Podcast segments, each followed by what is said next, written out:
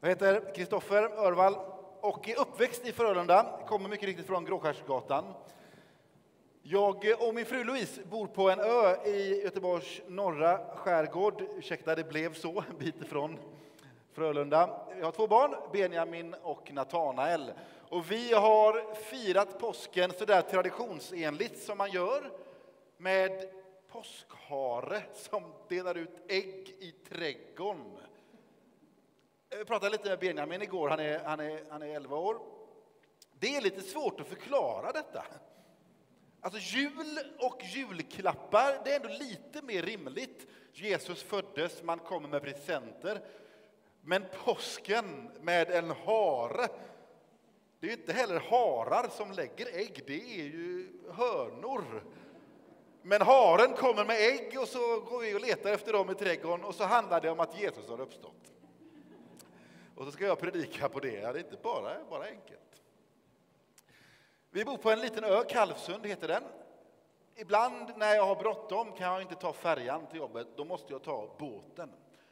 För eh, några, några, några månader sedan så var det riktigt dimmigt och jag var sent ute och jag satte mig i båten. Och det är inte, det är inte långt från där vi bor till lilla Varholmen där bilen brukar stå. Och jag har kört där många gånger. Det är oerhört enkelt. Men jag körde vilse.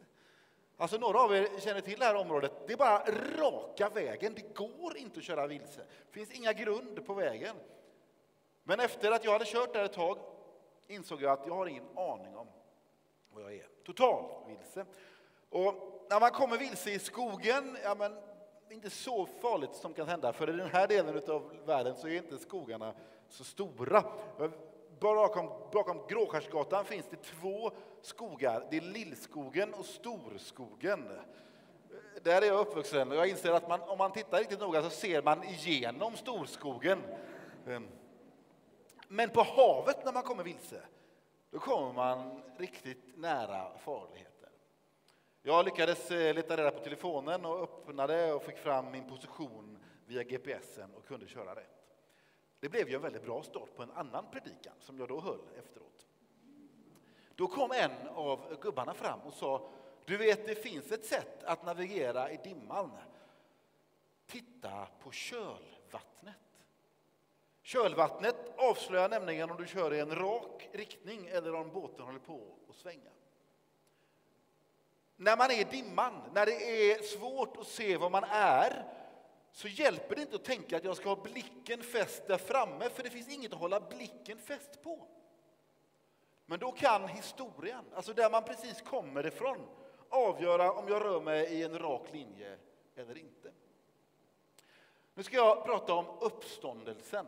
Och jag, jag tror på att kyrkan måste och är skyldig att vara relevant. Vi får inte bli en grupp människor som samlas och pratar om sådana saker som faktiskt inte spelar någon roll. Och idag har vi kärnan i evangeliet, uppståndelsen. För ganska många människor runt omkring, och kanske för några av oss, så är det ändå Jo, men det är fascinerande det här med att Jesus uppstod. Men det är ändå ganska irrelevant. Vad ska jag göra med den kunskapen? För mig är en relevant tro någon som spelar, något som spelar roll just nu, men också i eftermiddag och imorgon eller övermorgon när jag går till jobbet eller när jag går till skolan. Är det relevant så kommer det spela roll nu, i eftermiddag och i övermorgon när det vanliga livet startar. Och jag, jag skulle vilja satsa ganska mycket i den här predikan och då har jag lärt mig utav fiskarna, men också genom lite erfarenhet, att det är bra att hämta kraft i vår historia. Och några av er har ju sprungit på många samlingar. Jag vet att ni har hållit igång ordentligt här de senaste dagarna. Men några av er har haft fullt med att, att rensa i häcken och fixa i trädgården och njuta av solen. Så en liten påminnelse bara om vad det är vi firar. Jag ska läsa ett bibelord Jag tror inte man brukar läsa detta på påskdagen. Man brukar läsa detta på skärtorsdagen, men eh, jag är ju ändå predikant, så just nu får jag bestämma. Det är Andra Mosebok kapitel 3, vers 7 till 10. Herren sa, jag har sett hur mitt folk plågas i Egypten. Jag har hört deras klagorop över sina slavdrivare. Ja, jag vet att de får lida. Därför har jag stigit ner för att befria dem från egyptierna och föra dem från Egypten till ett land som är rikt och vidsträckt och som flödar av mjölk och honung. Det land där det nu bor kananéer, hetiter, amoreer, perisier, hiver och jivisuer. Nu har israeliternas klagorop nått mig och jag har själv sett hur egyptierna plågar och förtrycker dem. Så gå nu, jag sänder dig till farao och du ska föra mitt folk, israeliterna, ut ur Egypten.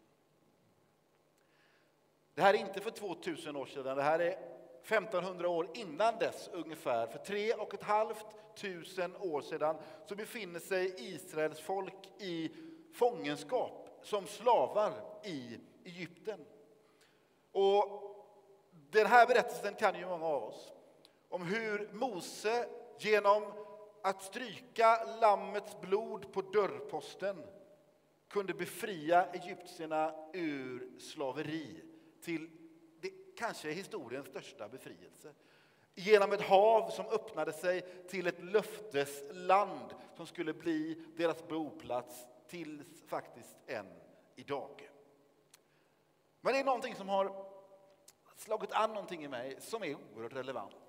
Nämligen att för egyptierna, för Israels folk, fångade av egyptierna, så handlade detta om deras identitet. Alltså, de hade i 400 år varit slavar. Det gör någonting med ens identitet.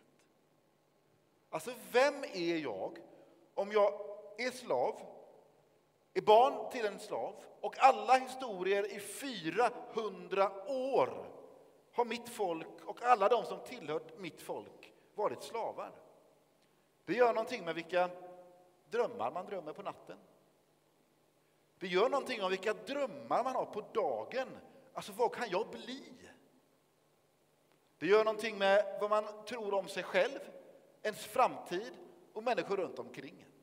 Jag tror att det, det, det borde göra någonting med ett helt folks kroppsspråk. Jag är väldigt intresserad av det här med kroppsspråk. Man kan ju kommunicera så mycket. Vet, möter du någon som står så här, då vet man att nu är det någonting som kommer fram här.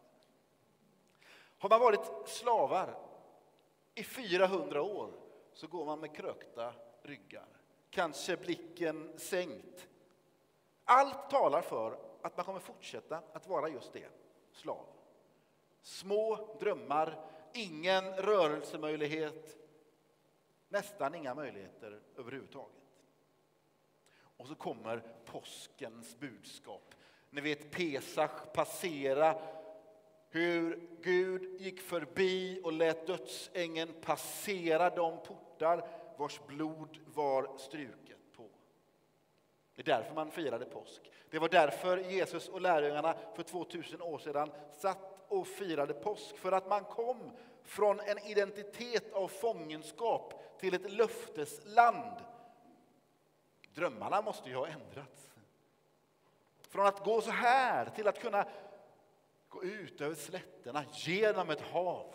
Kunna bli vad man vill. men jag vill bli snickare eller jag vill bli fiskare. Och mycket riktigt, man hade vuxit. Där satt Jesus och lärjungarna. Och så läser vi det som ni gjorde här på skärtorsdagen. Om Jesus säger detta är mitt blod som offras för er. Den här lilla, lilla mening, men som har så otroligt mycket tyngd.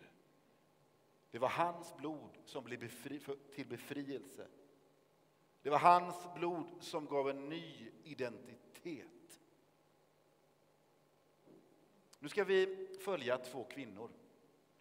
Ska, de befinner sig i ett samhälle som också är under belägring.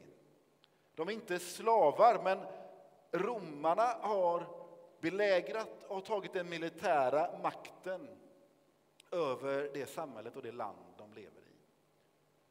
Den här texten med en militär makt som tar för sig kanske inte hade känts lika relevant för några månader sedan, men idag är den ju oerhört relevant. Där det finns en militär makt som bröstar upp sig och gör anspråk på områden som man inte har rätt till. Det påverkar oss i Sverige, det påverkar hela Europa, men det är med all tydlighet så att det påverkar det ukrainska folket. Den här texten jag läser nu är inte främmande för det sammanhanget.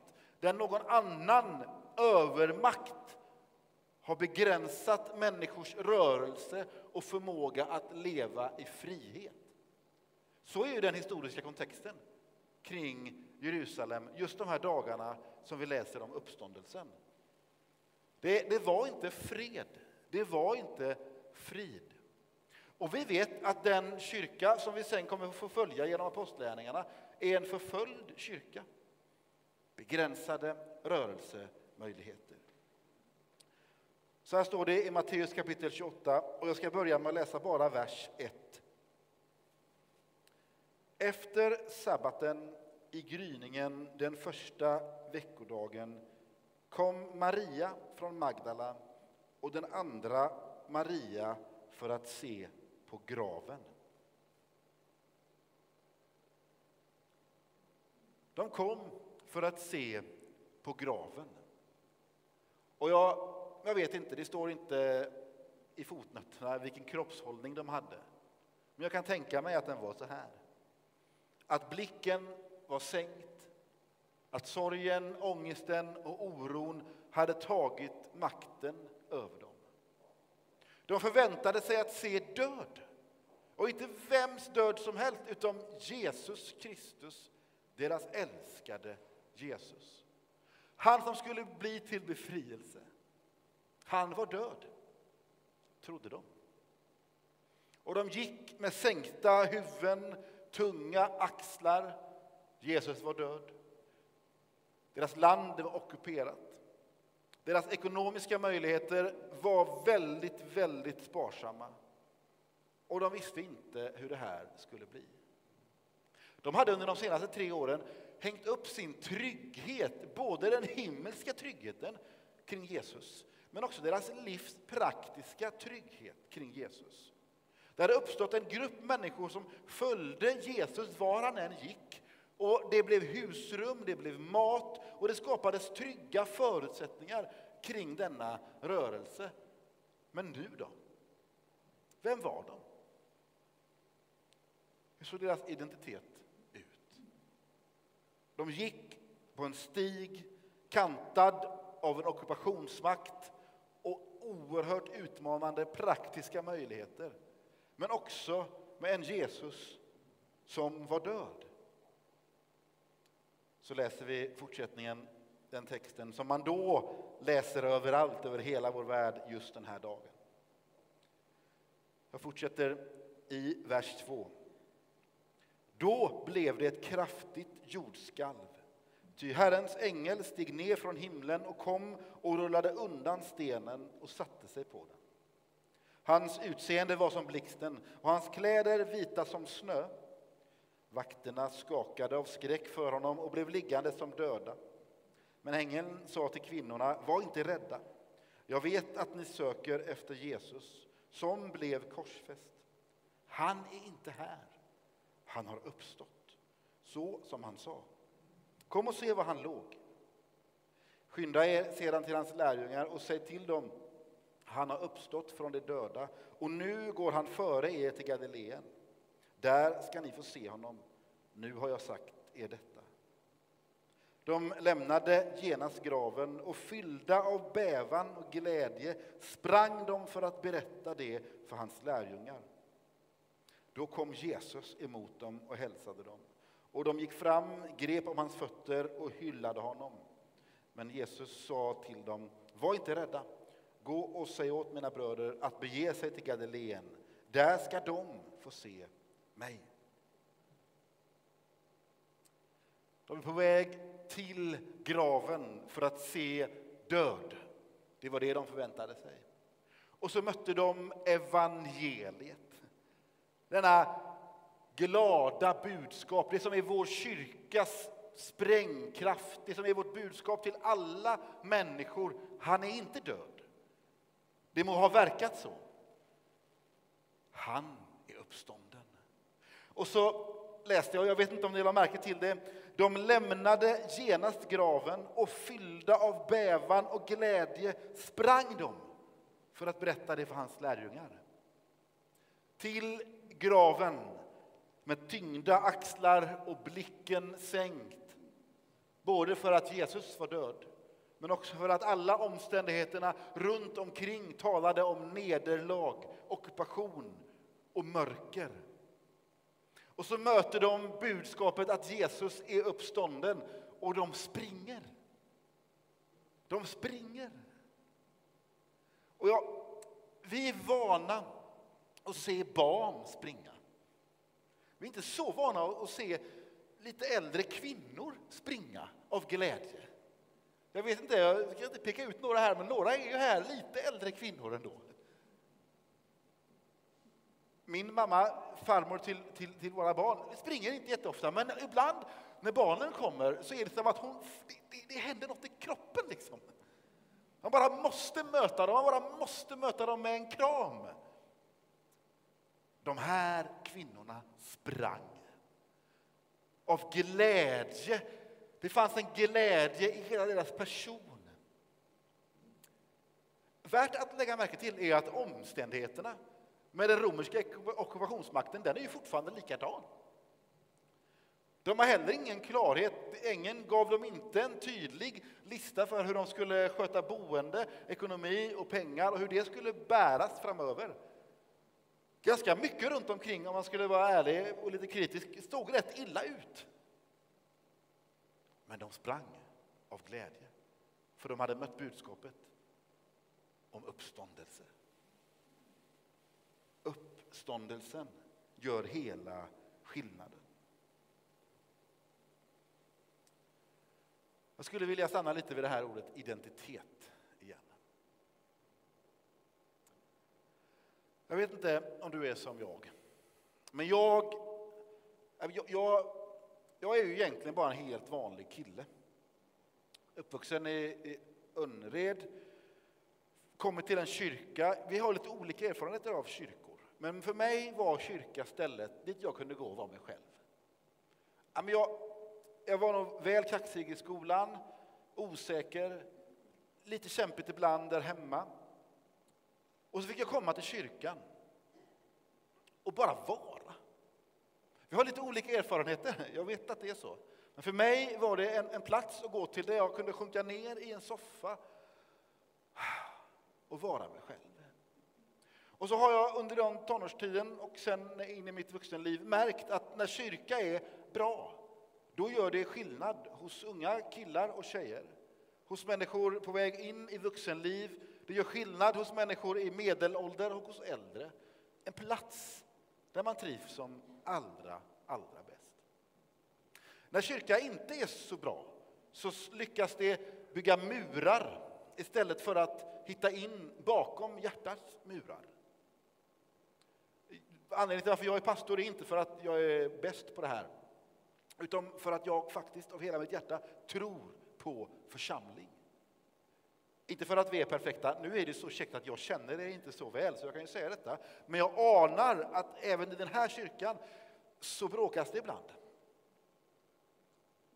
Ibland mellan generationer, ibland mellan grupper och ibland utifrån att man kommer från olika kulturer och andra förväntningar.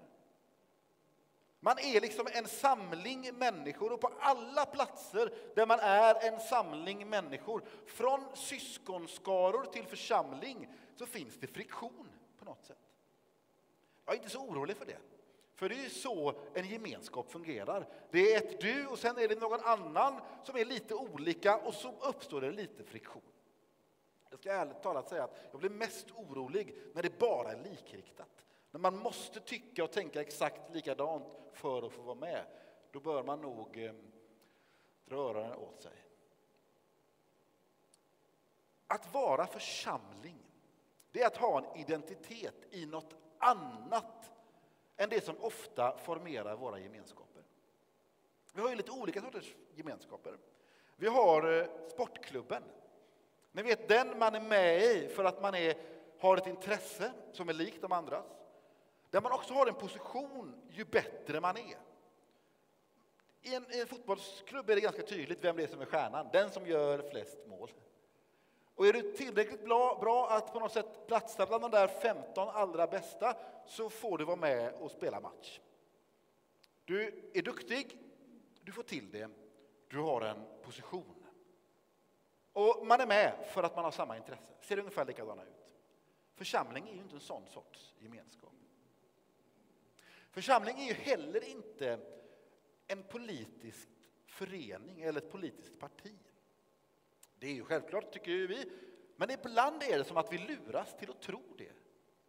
Alltså ett politiskt parti är man med i för att man tycker lika i tillräckligt många grundläggande frågor och man håller med i det som är partiets program. Är du socialdemokrat och börjar tänka att Nej, men det här med eh, eh, sänkta skatter är nog en bra idé, då kan du inte fortsätta vara med, då får du byta förening. Alltså, när dina åsikter skiljer tillräckligt mycket, då, då, då funkar det inte. En politisk parti hålls ihop av att man tycker likadant. Församlingsrörelsen är inte ett sånt sorts gemenskap. Vi är en gemenskap som hålls ihop av något annat. Vår identitet som församling och kyrka är inte att vi är likadana, tycker exakt likadant eller tänker likadant i alla frågor. Det är något annat som håller ihop oss, som utgör vår identitet. I torsdags, på nattvarden, så bröts brödet. Kommer ni ihåg?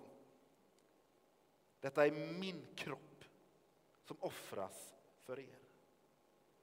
Och eftersom brödet är ett enda är vi, fast många, delar av en och samma kropp.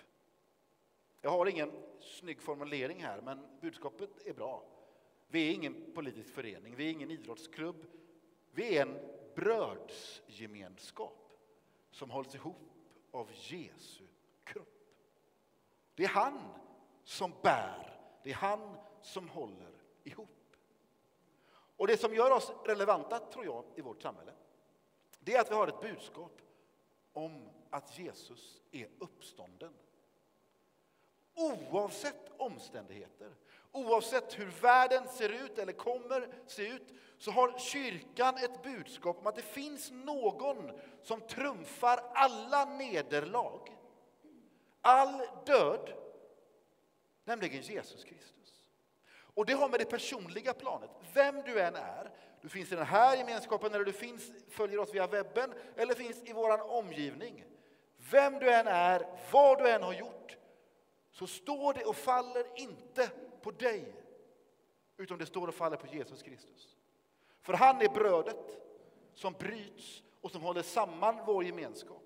Han är den som vann över döden och uppstod alla andra gemenskaper jag möter så hänger det antingen på att vi tycker likadant eller att vi presterar på något sätt. Kristen tro i sin kärna handlar om att jag kommer med det jag gjort, med den jag är och så övertrumfas jag av det Jesus gör på korset. Din och min synd står sig slätt mot Jesu nåd och seger på korset. Därför kunde rövaren samma dag i Pumbas predikan få möta Jesus. Han sa inte jag har förstått allt, jag håller med om allt, jag tänker exakt likadant. Han sa tänk på mig Jesus. Och redan idag, säger Jesus, är du med mig i paradiset. På individnivå så är detta helt unikt. Du behöver inte bära ditt liv självt. Din identitet bygger inte på din historia bygger inte på de goda val eller de dåliga val du gjort i ditt liv. Den bygger på Jesus Kristus. Jag, jag har kämpat lite med en fråga de senaste åren om man ska vara ärlig. Som, som pastor när man står och predikar så är det ofta saker och ting väldigt självklara. Jag vet inte om du har märkt det. Alltså man har en frågeställning och sen har man en ganska tydlig bild av vad man vill säga och man framstår i bästa fall ganska självsäker ändå. Men jag har kämpat med. Hur kan vi tro och satsa på kyrka och församling i en tid som denna? Det var en berättigad fråga under pandemin. Och sen var det som att pandemin slutade, den är ju inte förstås helt slutade, men för oss i Sverige så var det några veckor där vi förstod att nu har inte denna pandemin greppet om oss längre. Och så gick det någon vecka och så går Ryssland in i Ukraina. Och för första gången på väldigt länge så började vi be om vår egen krigsoro och krig i Europa. Och så tänker jag, ska vi fortsätta göra samma sak? Och den här kyrkan har ju satsat på att bygga om. Satsat ordentligt, tagit i med de stora, modiga besluten för att satsa ekonomiskt. Ta lån, offra. Är det verkligen rätt sak att satsa på? Den kyrkan som jag jobbar i, Smyrnakyrkan, håller just nu på att bygga kyrka för 350 miljoner kronor i Frihamnen. Är det verkligen rätt sak att satsa på? Och hur ska det gå med församlingen? Och jag, jag, säger inte detta bara för att jag vill skapa någon form av effekt eller någon poäng i min predikan.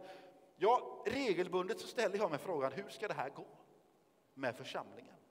Kommer vi klara det här? Kommer vi klara det rent ekonomiskt? Kommer vi klara de slitningar som uppstår när människor av olika generationer, av olika kulturer samlas i ett och samma rum, i en och samma församling? Det är, o, det är oundvikligt, det kommer slita. Kommer vi klara det? Kommer vi klara i att någon är uppvuxen i en popkultur och vill sjunga popsånger och någon vill helst att det ska vara orgel varje sång och så ska vi göra det samtidigt? Ja, det går inte. Någon måste ge och ta och någon kommer förmodligen göra det lite mer än den andra. Oftast är det den äldsta generationen som man förväntar sig allra mest av. De som har varit med allra längst har funnits med, bett och offrat och byggt kyrka. Det är de som brukar visa sig att jo, men vi, vi tror på ungdomen allra mest. Och samtidigt ska kyrkan vara just för dig som känner dig äldre. Ja, ni märker, hur, hur ska vi få ihop det här? Hur ska det här gå? Är det inte bättre att vi skapar egna församlingar? Vi skapar några för de som är 70 plus och sen så gör vi en ungdomsförsamling och så då blir det lite mer som en förening, politisk förening. Vi håller isär. Men det var inte så Jesus gjorde. Han skapade en församlingsrörelse som förändrade ett samhälle. Hur ska det gå? Om vi hade haft vår identitet i omständigheter i att det praktiska fungerade smärtfritt, då hade vi behövt vara oroliga. Om vi hade haft vår trygghet i att världen inte på något sätt kom över oss eller vårt samhälle eller vår värld med mörker, då hade vi varit illa ute. Om församlingens hopp hade varit att allt gick smärtfritt, då hade vi varit illa ute. Men församlingens hopp är något som inte hämtar sin kraft kring, uppstånd, kring omständigheter, utom i uppståndelsen. Vi är en del av en församlingsrörelse som tog fart för 2000 år sedan på grund av att Jesus uppstod. Alltså omständigheterna var mörka omständigheterna skulle bli ännu mörkare. Den pandemi vi har genomlevt är inte den första pandemi som har rört sig i vår historia. Det krig som vi ser nu är ju inte det första kriget som församlingsrörelse har befunnit sig i. De ekonomiska utmaningarna som vi befinner oss i, både privat men också som församling, är inte den första tiden av ekonomiska utmaningar.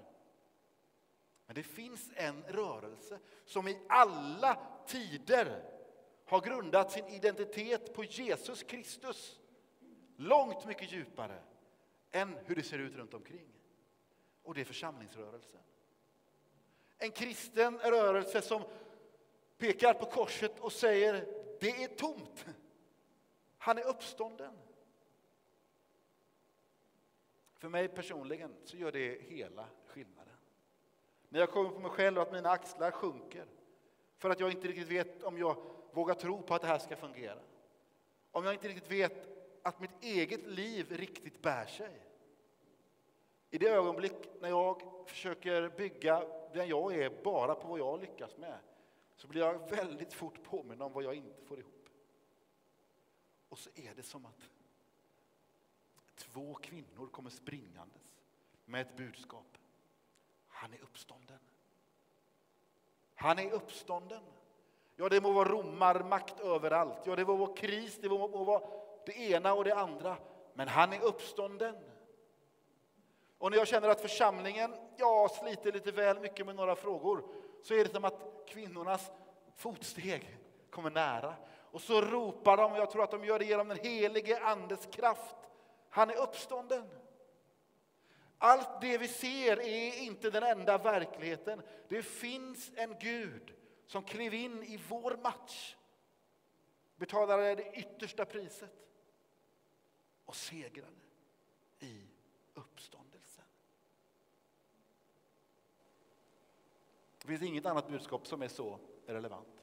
Att våra liv faktiskt inte bärs av det vi ser runt omkring, utan de bärs av Jesus själv. Kämpar du? Jesus kämpar med. Jag tänker det finns inget annat budskap som är så relevant för det här samhället. Att det finns ett hopp. Det finns en rörelse som faktiskt har sin historiska ursprung för långt innan till och med Jesus själv. En rörelse som håller i alla tider. Kommer Frölunda pingst ha framgång och nå människor? Ja. I Jesu namn. Inte för att vi alla är perfekta. Inte för att det inte kommer uppstå friktion, utan för att våran kraft är den uppståndne Jesus Kristus. Hur kommer det gå för dig? Hur kommer det gå med ditt liv? Ja, kanske kommer mörkret komma väldigt nära, men har du sagt ja till Jesus Kristus så lyser han med sitt ljus i ditt hjärta. Och mörkret har inte övervunnit det. Vi ber.